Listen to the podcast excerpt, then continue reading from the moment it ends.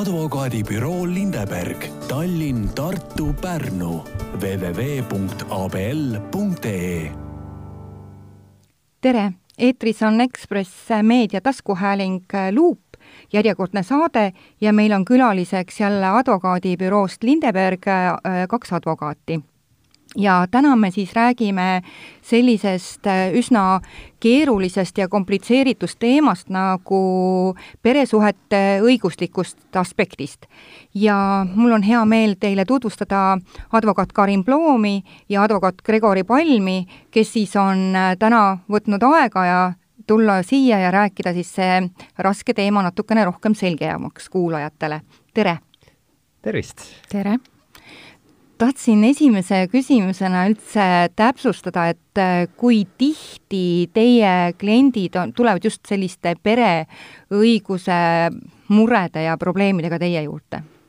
no tegelikult juhtub seda ikka väga tihti, sest et äh, oled sa ärimees või, või ükskõik, kes sa oma elukutselt oled, siis äh, pere on ju see, mis mis noh, eelduslikult enamusel on meist olemas ja, ja need mured on tõsised mured ja, ja igas peres võib ette tulla muresid ja küsimusi ja tülisid ja, ja lahendamist vajavaid probleeme, et et ikka väga tihti tulevad kliendid meie juurde nende küsimustega ka, jah. jaa, mul äh, krimi poole peal no paratamatult lihtsalt äh, perevägivalda tuleb palju ette, neid süütegusid on piisavalt palju ja neid tuleb tõesti selle, sedapidi ka, ka minule, kus perevägivald on noh, just läinud vägivalla peale kas äh, eestlane on hakanud rohkem advokaadi poole pöörduma või on siiski näha ka kuidagi, kas siis teadlikkust rohkem, et äh, asju ei lasta nii teravaks minna? kuidas see trend on teil?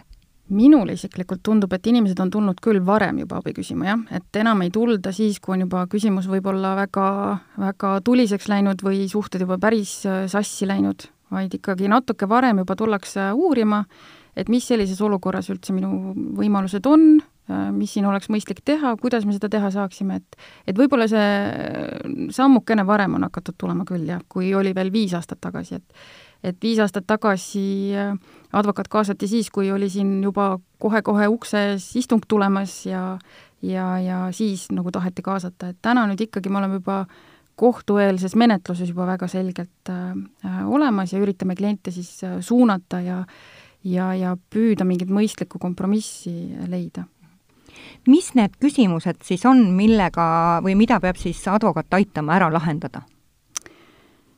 tegelikult on need erinevad, kellel mis mure, kas see on ainult elatis või on siis äh, suhtluskorra vaidlused või, või on hooldusõiguse küsimus, eks ju, et, et kellel kuidas on, mõnel on need kõik korraga äh, laua peal, mõni ainult mõne üksiku küsimusega ja ja vahel on ka lihtsalt selline mm, võib-olla mitte nii õiguslik küsimus, aga, aga, aga puudutabki, ütleme, kogu olukorda, et mul on väga närviliseks läinud, et võib-olla meil noh, pingete maandamiseks aitab üks niisugune konkreetne kokkulepe, et kus me jagame, noh, teeme selgeks, et kui me peaksime minema lahku, et kuidas me seda vara jagame ja kuidas meil lapsed hakkavad äh, käima edasi-tagasi, et et nüüd juba vahel tullakse ka sellega, et äkki me saame omavahel teha mingisuguse sellise nii-öelda äh, kindlustunde andmiseks, noh, rääkida oma asjad lahti ja, ja teha mingisugune paberi peal kokkulepe, et noh, proovida, et ei läheks siis sealt edasi, et, et väga emotsionaalseks edasi see asi.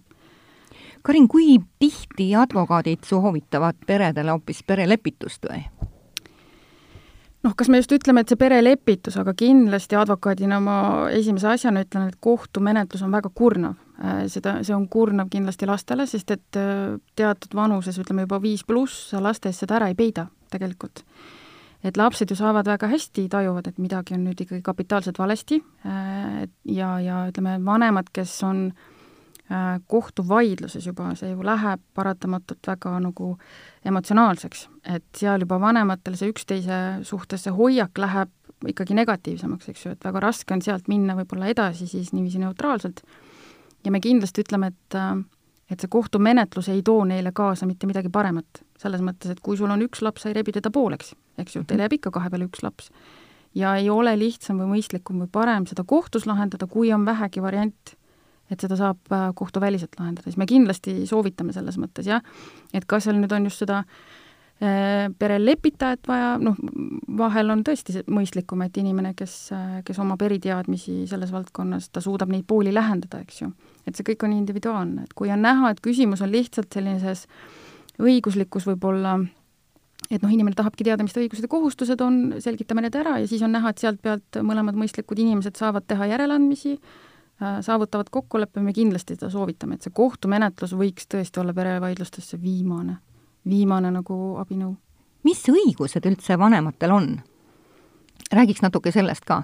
Äh, laste suhtes on võrdsed õigused tegelikult, seadus ju ütleb, et mõlemad vanemad oma laste suhtes on äh, nii-öelda täisõiguslikud vanemad, et mõlemal on ju sada protsenti hooldusõigus, kui ei ole tehtud äh, kohtulahendiga korrektuure.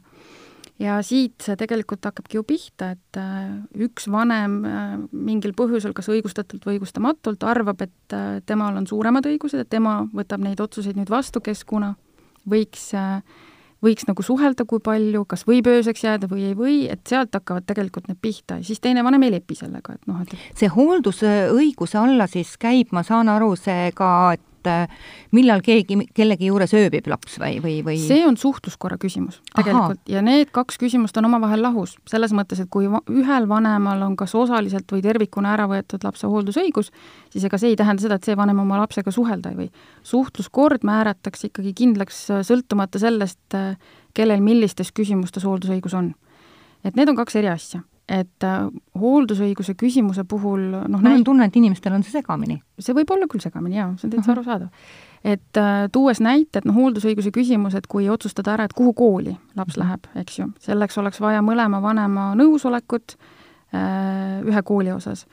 ja kui nüüd üks vanem ütleb, et ei, et mina tahaksin, et ta läheks näiteks kooli A, teine ütleb, et ma ei ole sellega nõus, mina valisin välja kooli B, nad omavahel hakkama ei saa, eks ju, või, või drastilisemad näited, et äh, vaktsiinid tänapäeval mhm. on ka äh, tegelikult väga, väga palju seda, et üks vanem nõuab vaktsineerimist, teine kategooriliselt keelab ära, ütleb mitte mingil juhul. mis see, mis see lahendus siis on?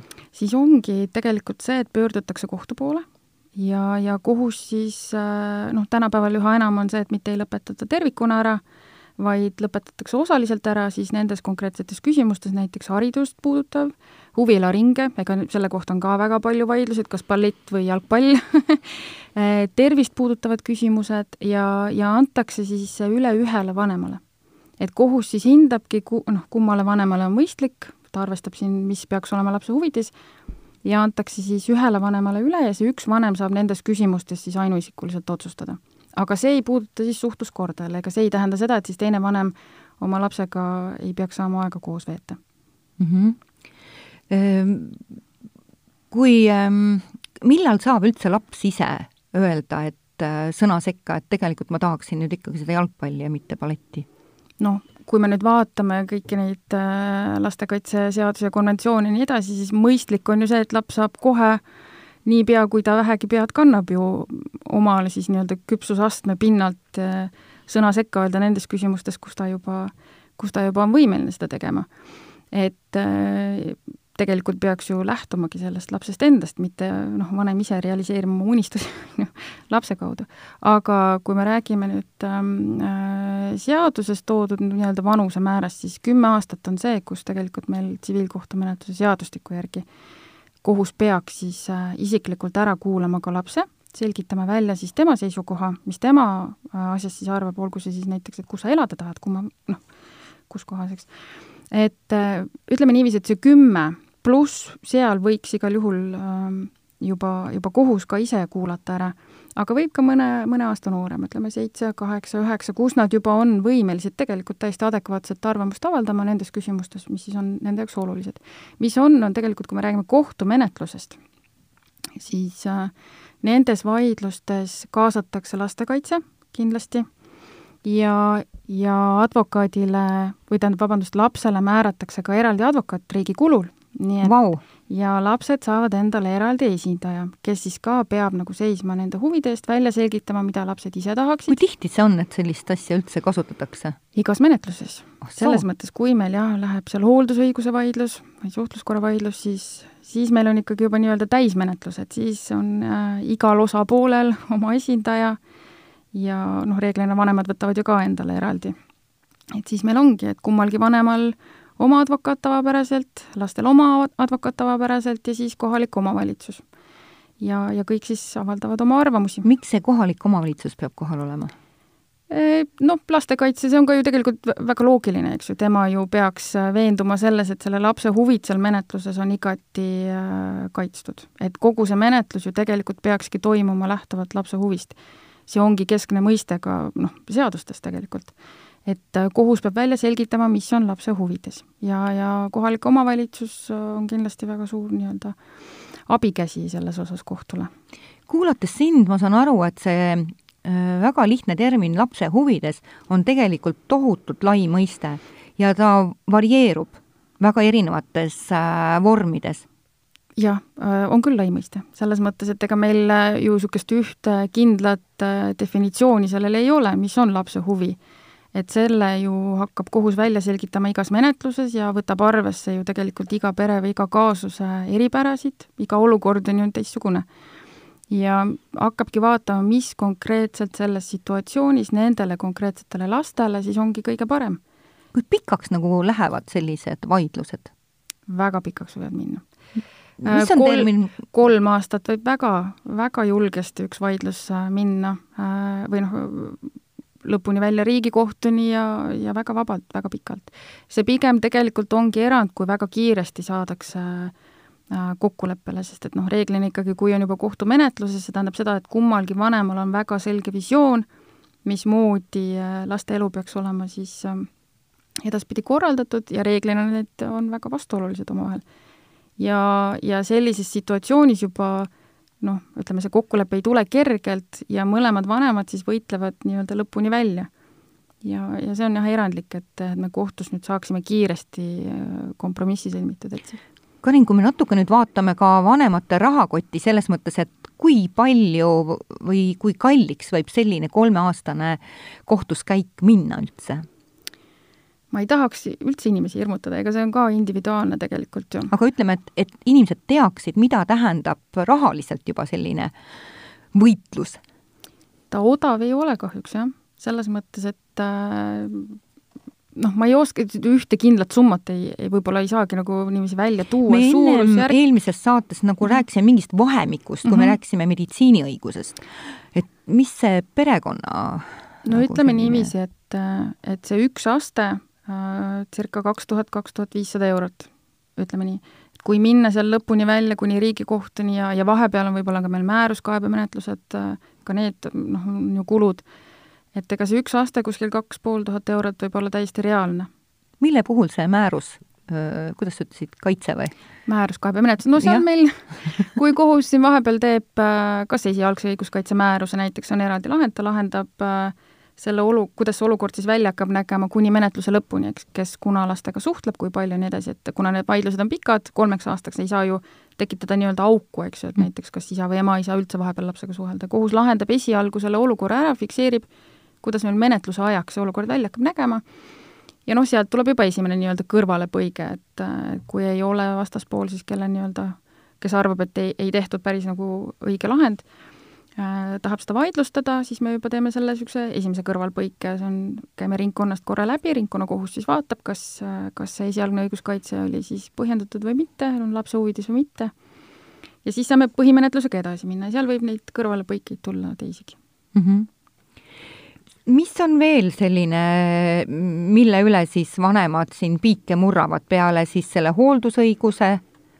siis on kindlasti elatisraha, jah? jaa, see on ka üks niisugune põletavamaid küsimusi, jah mm. -hmm. et ähm, siin see elatisega, selles mõttes ma isegi saan väga hästi aru, miks äh,, miks see tänapäeval äh, on väga suureks nagu see nii-öelda küsimuseks tekkinud, et see elatise määr on tegelikult see miinimum, mis, mis siis seadus ette näeb, eks ju, see on tegelikult väga, väga kõrgele tõusnud et siin nüüd uuest aastast, sellel aastal siis jaanuaris ju jälle, äh, miinimumpalk meil tõusis, mis tähendab seda, et meil siis tõusis ka miinimumelatis ja sellel aastal ta nüüd on kakssada üheksakümmend kaks eurot ühe lapse kohta.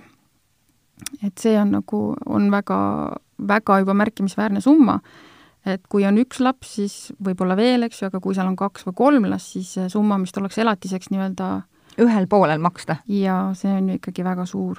see on täiesti kosmiline minu meelest no mõtle näiteks, et kolm last, sa peaksid maksma peaaegu üheksasada eurot. Jah, ja mõnel juhul võib see ju tähendada seda, et inimene maksab terve oma palga ära ja jääb ju veel võlgu ka, eks ju, et mm -hmm.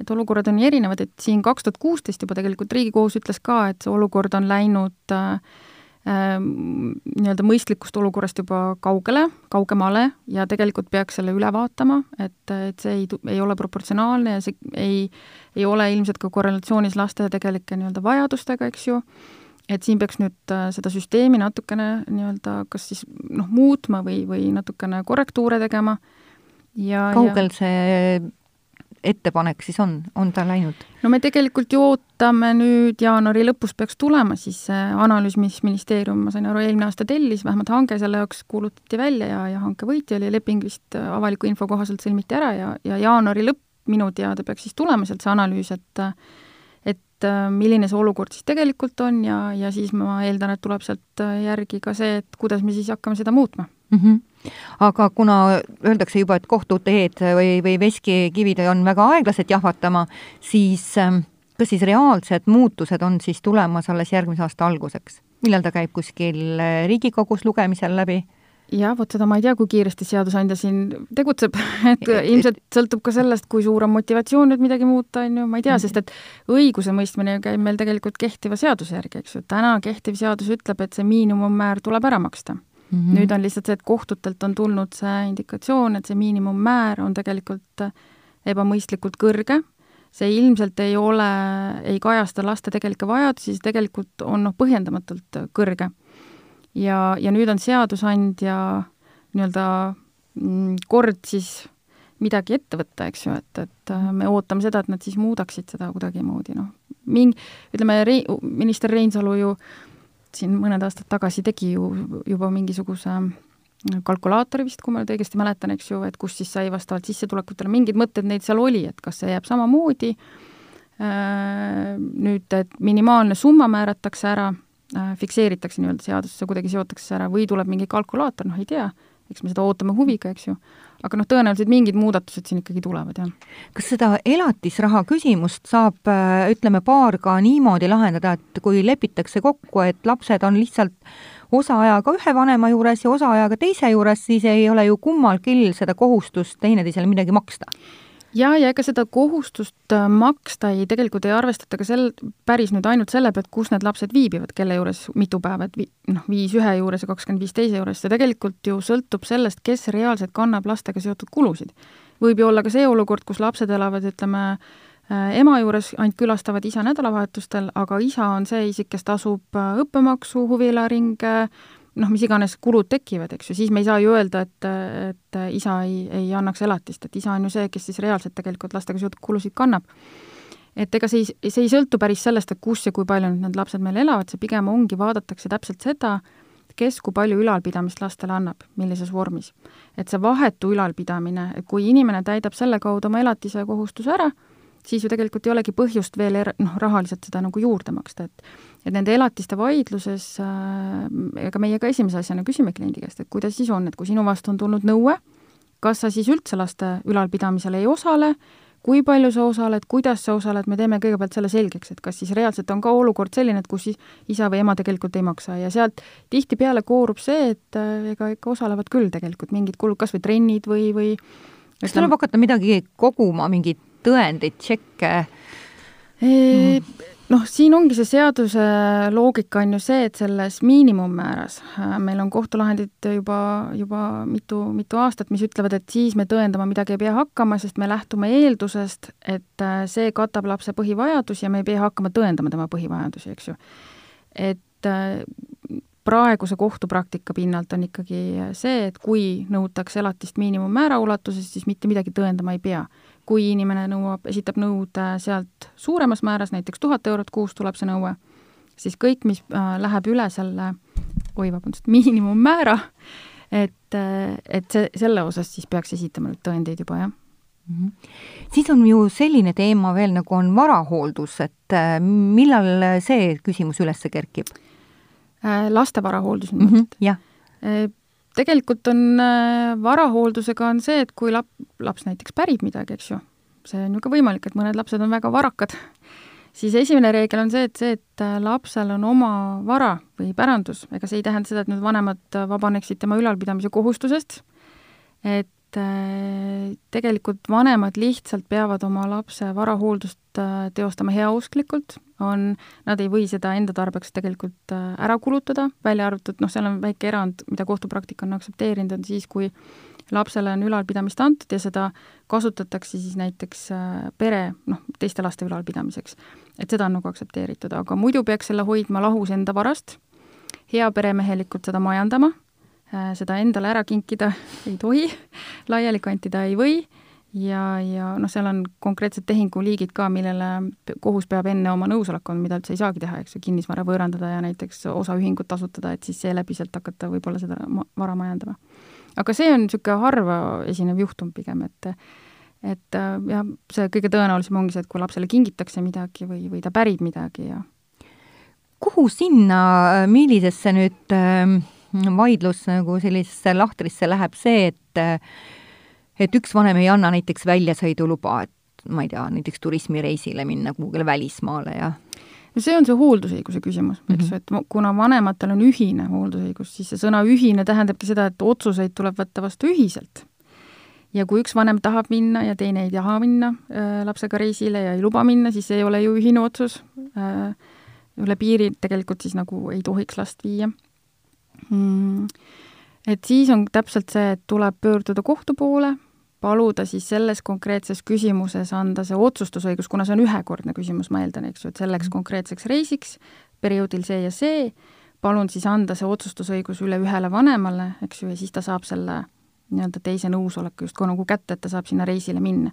kui see on võib-olla korduv probleem ja, ja üks vanem nii-öelda äh, noh, kas kiusu pärast, ma ei tea, mis need põhjused on, võib-olla on ka põhjendatult, ei taha, et laps liiguks kuhugi kolmandatesse riikidesse. Äh, süstemaatiliselt ei anna nõusolekut lapsel äh, välismaal käimiseks, siis võib, võib see olla ka selle nii-öelda osalise hooldusõiguse lõpetamise nii-öelda üks küsimusi, on ju, et et ta annab äh, viibimiskoha osas siis kohus otsustusõiguse ja hooldusõiguse üle ühele vanemale, kellel on siis ainuisikuliselt õigus otsustada, kuhu laps reisib aga noh, tegelikult jah, reegel on see, et kui teine vanem ikkagi nõusolekut ei anna, siis last riigist välja viia ei saa. ma tean, et ei ole harvad juhud need, kus üks vanem tahab minna elama teise riiki ja võtta lapse kaasa. et äh, ja siis on äh, see mahajääv lapsevanem, kes siis nüüd siin Eestis resideerub ja tema ei plaani kuhugile välismaale elama minna, ütleb, et ma ei saa sellega nõus olla, et ma ju kaotan täiesti kontakti oma lapsega et siin on nüüd hästi keeruline dilemma, et äh, jah, on küll, selles mõttes, et siin põimuvad nüüd omavahel kaks küsimust, üks on see hooldusõiguse küsimus ehk elukoha küsimus, vanemad ei saavuta kokkulepet, kus hakkab laps elama, eks ju. ja teine on siis see suhtluskorra. kui on sellele nii-öelda lahus elavale vanemale võib-olla tagatud väga mõistlik suhtluskord, ta näeb piisavalt oma last, siis ideeliselt noh, võib-olla ta annab vabatahtlikult selle nõusoleku või, või kohus ütleb, et kuna teile on tagatud piisav võimalus oma last näha äh,, siis kohus annab sellele teisele vanemale siis nii-öelda nõusoleku ärakolimiseks, annab talle üle selle hooldusõiguse. aga minu isiklik kogemus on see, et et noh, kui me räägime nüüd Eestist või Soomest, et mi-, mis on niisugune lähedal asuvad riigid, eks ju, et see on nagu niisugune ütleme, hallatav küsimus, et vanemad saavad äh, noh, saavad omavahel võib-olla paremini kokkuleppele ja, ja sellele teisele vanemale on ikkagi suurem kindlus, et et ta neid lapsi piisavalt näeb, eks ju. ja Rootsi ka, et siin meil oli alles ka hiljuti Riigikohtu lahend, kus äh, Riigikohus ütles ka välja, et me ei saa eeldada, et lapse huvides on teise vanemaga kohtuda nädalavahetusteti ja määraski nii, et hoolimata sellest, et täiesti erinevad riigid, et laps väga tihti lendab ühe ja vanema teise juurest nii-öelda vahelduva suhtluskorrana, eks ju ja seal, kuna mõlemale vanemale oli sisuliselt võrdselt tagatud äh, lapsega see suhtlusaeg, siis ei olnud ka otseselt vahet, kus tal siis see elukoht ja siis noh, nii-öelda äh, alaline elukoht on määratud Eesti või, või Rootsi. et ütleme, lähiriikide puhul see võib-olla ei olegi nii suur probleem, kui nüüd teine vanem ütleb, et ta tahab kuhugi Suurbritanniasse või Saksamaale, et siis on jah, ja siis võib ju sellest teisest vanemast ka aru saada, eks ju, et et kuidas see suhtluskord sellisel juhul tõesti toimima hakkab ja see on ilmselt ka kohtu esimene küsimus et kuidas pooled kujutavad endale ette, kuidas sellises olukorras suhtluskord toimima hakkaks et palju keerulisi küsimusi. aga siinkohal me teeme ühe pisikese pausi, et tulla hetke pärast tagasi.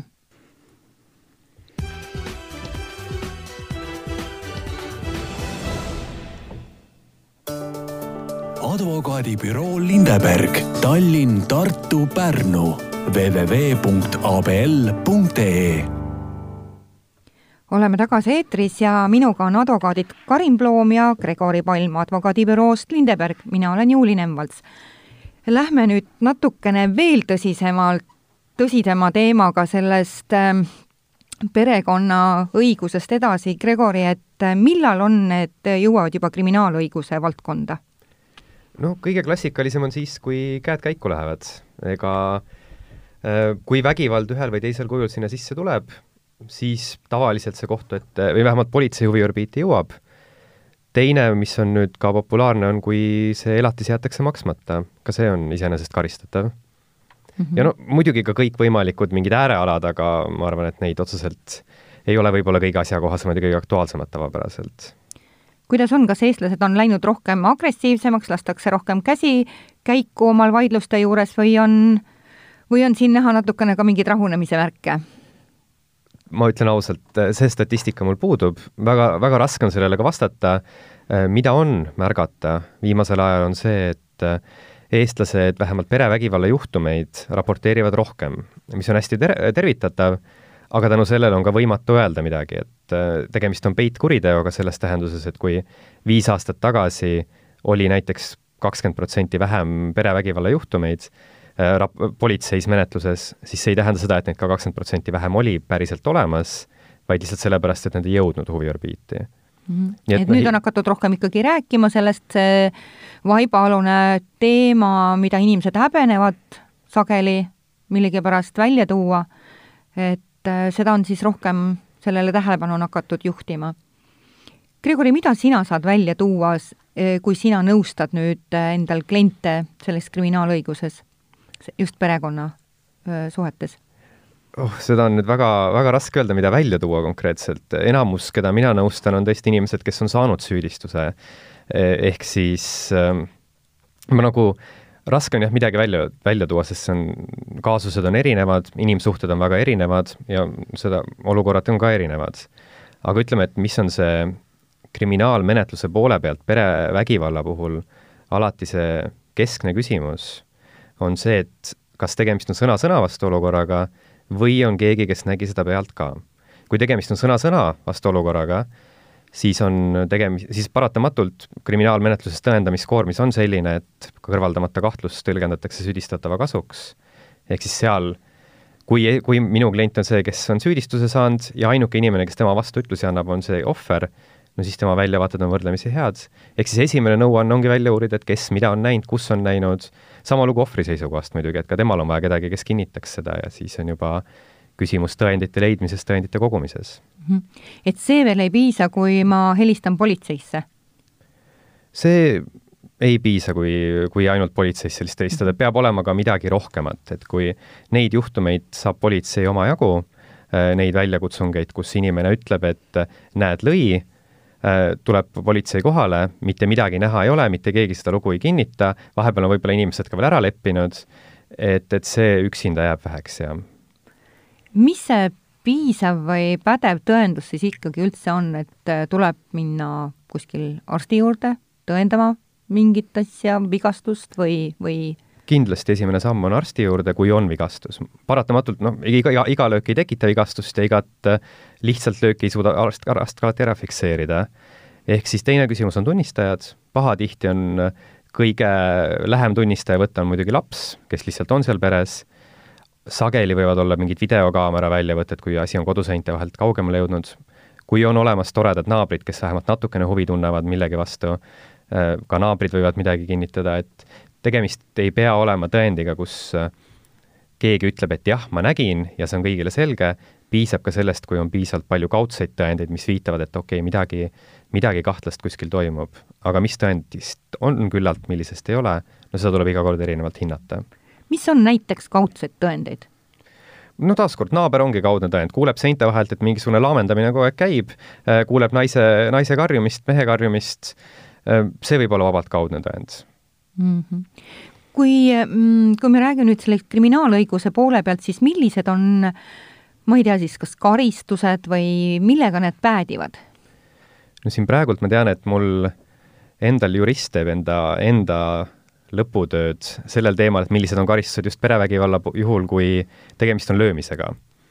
ja enamasti statistika järgi on äh, täielikult tingimisi vangistus, ehk siis inimene vangis reaalselt olema ei pea, ta on katseajal ja selle aja sees siis ta ei tohi uut kuritegu toime panna. see on siis need juhtumid, kui asi on reaalselt jõudnud mingi lõpliku otsuseni, enne seda on võimalik muidugi ja tihti seda tehakse ja praktika mõttes on see ka õige, saata inimesed lepitusmenetlusse, kus siis nad loodetavasti leiavad mingi lahenduse ja selline sündmus enam ei kordu, või siis tõesti, et asi ei jõuagi kunagi advokaatini sellel põhjusel, et see lihtsalt on ära lõpetatud juba, et ei olegi tõendeid, see sõna-sõna vastuolukord nii-öelda mm. -hmm. ja lootuses see, et see paar nagu uuesti ei tule sinna samasse kriminaalmenetlusse? just, just, ma tean, et äh, vähemalt prokuröridega rääkides see praktika on sealmaal, et kui paar tuleb esimest korda, kedagi, ühte neist süüdistatakse, teine on kannatanu, siis äh, esimest korda ikkagi, kui võimalus on, üritatakse seda lepitusmenetlust kohaldada. Aga kui inimene ikka teist korda tagasi tuleb ja noh, on näha, et sellest ei olnud tolku, no siis enam teist korda lepitusmenetlusse naljalt ei saadeta, kui just ei ole nüüd mingisugused väga erandlikud asjaolud, aga üldiselt oleks ikka karmid sellega. kui palju kohaldatakse täna mm, sellistes väga dramaatilistes vaidlustes või juhtumites seda lähenemiskeeldu või kas üldse? vähe, vähe. minu, minu praktikas, kus ma, ma ei ole pea, võib-olla kaks-kolm korda on tulnud ette, kus keegi seda taotlenud, aga ma ütlen, väga sageli nendel, nendel puhkudel on see, et see, need, seda tüüpi vaidlused on alati hästi, hästi emotsionaalsed ja väga tihti tegelikult pooled jõuavad poole vaidluse ajal mingi omavahelise leppimiseni ja siis tavaliselt noh, üldiselt kipub mul nii olema, et kannatanu mingil hetkel helistab kannatanu, küsib, et kas on võimalik kriminaalmenetlus lõpetada, kui ta tahab kaebuse tagasi võtta, et mees tuli lilledega ukse taha, ikkagi palus ilusti vabandust ja leppisid kõik ära. et niisuguseid juhtumeid tuleb ja tänu sellele kaob ka lähenemiskeelu aktuaalsus, sellepärast et poole peal juba mõlemad pooled tahavad kokku saada mm. -hmm aga oled sa näinud ise, ütleme, sellel samases äh, menetluse ajal, et sinna oleks tark pakkuda välja see mingi tõkend? jaa, ikka, ikka, neid olukordi on, kus on tark, aga kriminaalmenetluses on muidugi see osa ka, et äh, kuna kriminaalmenetlus, nagu ma ütlesin, väga sageli, kui juba süüdistus on piisav olemas, lõpeb sellega, et vähemalt tingimisi vangistus inimesele kohaldatakse, siis juba see on sageli piisavalt distsiplineeriv, et tal kui lähene, et, et kui ta hakkab midagi uuesti tegema, kui ta lähedale tuleb, et siis tal on juba mingi karistus soolas. ja sageli see töötab, noh, mõne puhul ta ei tööta, aga nende puhul lähenemiskeeld ka tõenäoliselt ei töötaks mm. -hmm. kui palju olete näiteks kaalunud sellist mõtet, et äh, soovitada mingisugust äh, teraapiat sellele inimesele, kellel ei ole oskusi oma vihaga toime tulla või iseenda soove kuidagi aktsepteeritavalt äh, teistele kuvada? Ütlen ausalt, see on advokaadi seisukohast alati keeruline öelda oma kliendile, et kuule, mine, mine ravile, et äh, paratamatult äh, see on niisugune asi, mida tuleb siis hästi delikaatselt teha, aga mõnikord on seda ette tulnud, kus äh, inimene ise juba tunnistab probleemi mm. -hmm. Karin? mina tahaks öelda, et tsiviili erinevus on võib-olla küll see, et, et perevaidlustest pead küll kliendile ütlema päris tihti, et võtame seda emotsiooni nüüd natukene äh, tagasi, et on arusaadav, et see on olemas, on arusaadav, et sul keevad tunded üle, aga, aga noh, advokaadina tuleb hästi tihti küll seda, kus, kus sa täitsa teadlikult ütled, et võtame nüüd väga rahulikult, võtame ilma emotsioonita, mõtleme need asjad nüüd läbi, eks ju, ilma selle, selle segava äh, vihata, vihata või, no, või kättemaksu soovita. jah, ütlemegi nii, pettumuse, mis seal kõik tuleb mm, -hmm. eks ju, et tsiviilis võib-olla see erisus on küll see, et oma klienti selles mõttes ikkagi suunama äh, aeg-ajalt äh, pead täitsa teadlikult, et, et meil muidu läheb see asi täitsa käest ära mm. -hmm. et kui me ta siin eskaleerub. jaa, et kui me siin ainult emotsiooni pinnalt vaidleme, siis ei ole sellel asjal äh, väga head lahendust. ja kriminaalmenetluses sageli võib see hea lahendus tulla tegelikult välja tõesti sellega, et kui inimene saabki oma katseaja ja kui vähemalt äh, on võimalik teha ka niisuguseid kokkuleppeid, noh, kui läheb kokkuleppemenetlusse, kohtumenetluses tegelikult samamoodi, et panna inimesele tingimus, et ta peab läbima mingi sotsiaalprogrammi ja ma tean, et Eestis on väga häid äh, just viharavi, äh, viharaviprogramme, mis on tõesti nagu tulemuslikud ja inimesi aidanud. muidugi, kui asi kunagi kohtusse ei jõua, siis on lihtsalt äh, advokaadi enda sisemine tunnetus, et kas sellele inimesele nagu tulevasse ellu anda mingisugune niisugune soovitus või mitte, aga noh, see sõltub juba kliendist mm. -hmm. kui palju tekitab vaidlust siis see, et äh, paaril, ma ei tea, on äh, seal erimeelsused oma ühise vara jagamisega või, või näiteks äh, üks abielupool avastab ähm, äkki õhtul koju tulles, et tal ei olegi enam seda partnerit kõrval ja ta on ära viinud peale laste veel ka muu sellised nipet-näpet vara.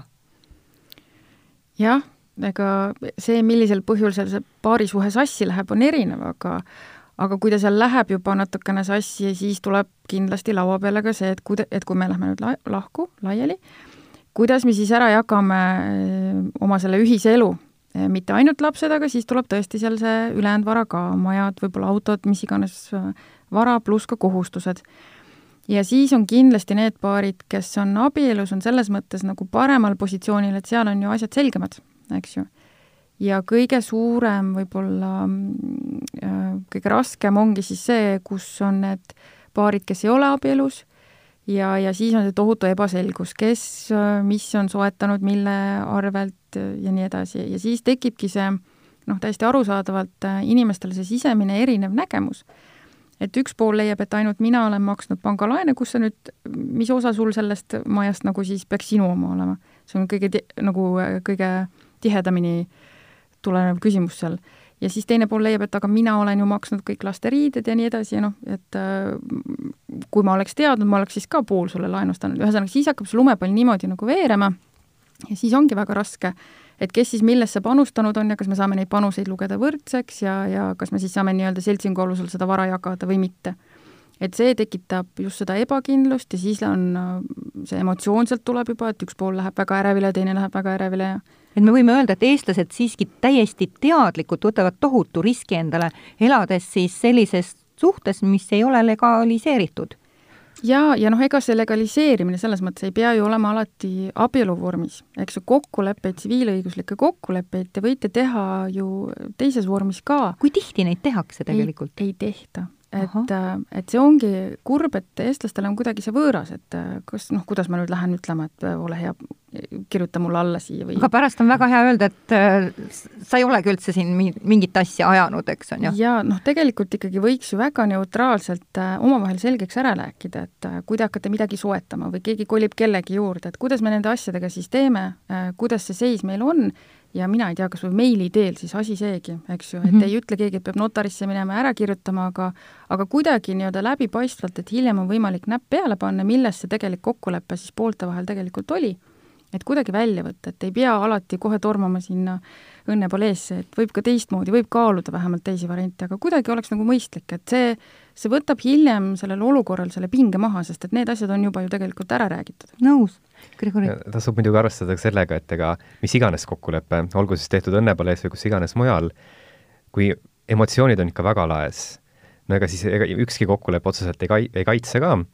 et mul oli üks äh, klient, kes oli, tal oli, tal oli selline olukord, et talle, talle kuulus pool varast, äh, noh, nagu see klassikaline ikka on, ja ta leidis, et ta nüüd lahendab selle olukorra niimoodi viha ajendil, et ta siis võttis relaka ja hakkaski nagu asju keskelt pooleks saagima, et äh, ta oli jõudnud vist teleka katki tõmmata, ühe tooli ka, ja no siis, siis, siis nagu tuli, jõudis kohale, et, et nagu midagi läheb siin valesti. Et, noh, lihtsalt nagu tegelikult see illustreerib lihtsalt seda, et noh, ükski kokkulepe sellel puhul ei pruugi aidata, kui ikkagi emotsioonid on laes, et alati tuleb hingata ja siis läheb kõik kergemaks jah, ma olen nõus, et see garantiid muidugi ei anna, ma loodan, et see oli niisugune üks äh, ere näide, et neid ei, väga palju kord, ei ole. korduvaid ei ole, jah. aga mm. ei no muidugi ta ei anna garantiid, aga, aga noh, need perevaidlused on emotsioona-, emotsionaalsed vaidlused, et et ja lihtsam on siis, kui neid nii-öelda tüliküsimusi on vähem et äh, võimalikud nii-öelda muud, et see, see tihti ongi niisugune lumepalliefekt, et see hakkab kerima, hakkab kerima, hakkab kerima, kõigepealt võib-olla laste suhtluskord, siis tuleb sinna juurde juba elatis ja siis on juba suuremad küsimused ja ja nii ta läheb, et kui kui neid nii-öelda tüliõune on võib-olla üks ja kaks, noh, siis reeglina on ka see, et on lihtsam saavutada seda kokkulepet, kui, kui kõikides muudes küsimustes. Et võiks mõelda selles mõttes, et lihtsalt vähemalt ettevõtja ju proovida ära teha selle, eks ju. kui palju abielupaarid kasutavad seda abielu varalepingut? noh, mina isiklikult seda registrit ei pea, ma ei tea, mul seda statistikat ei ole, seda saab välja võtta, aga seda on, on näiteks tuldud teie poole, pöördutud selle no see on notariaalselt, selles mõttes mhm. notarid valmistavad ette, notarid kinnitavad, eks ju.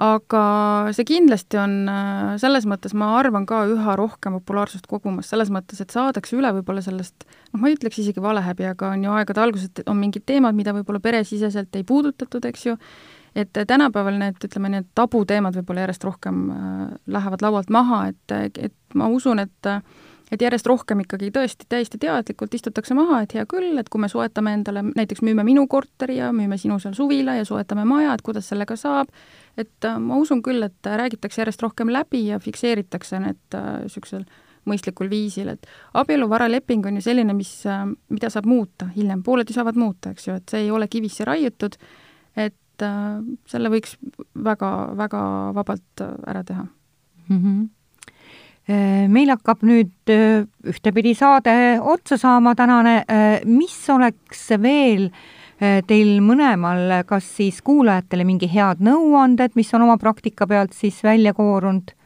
et Karin?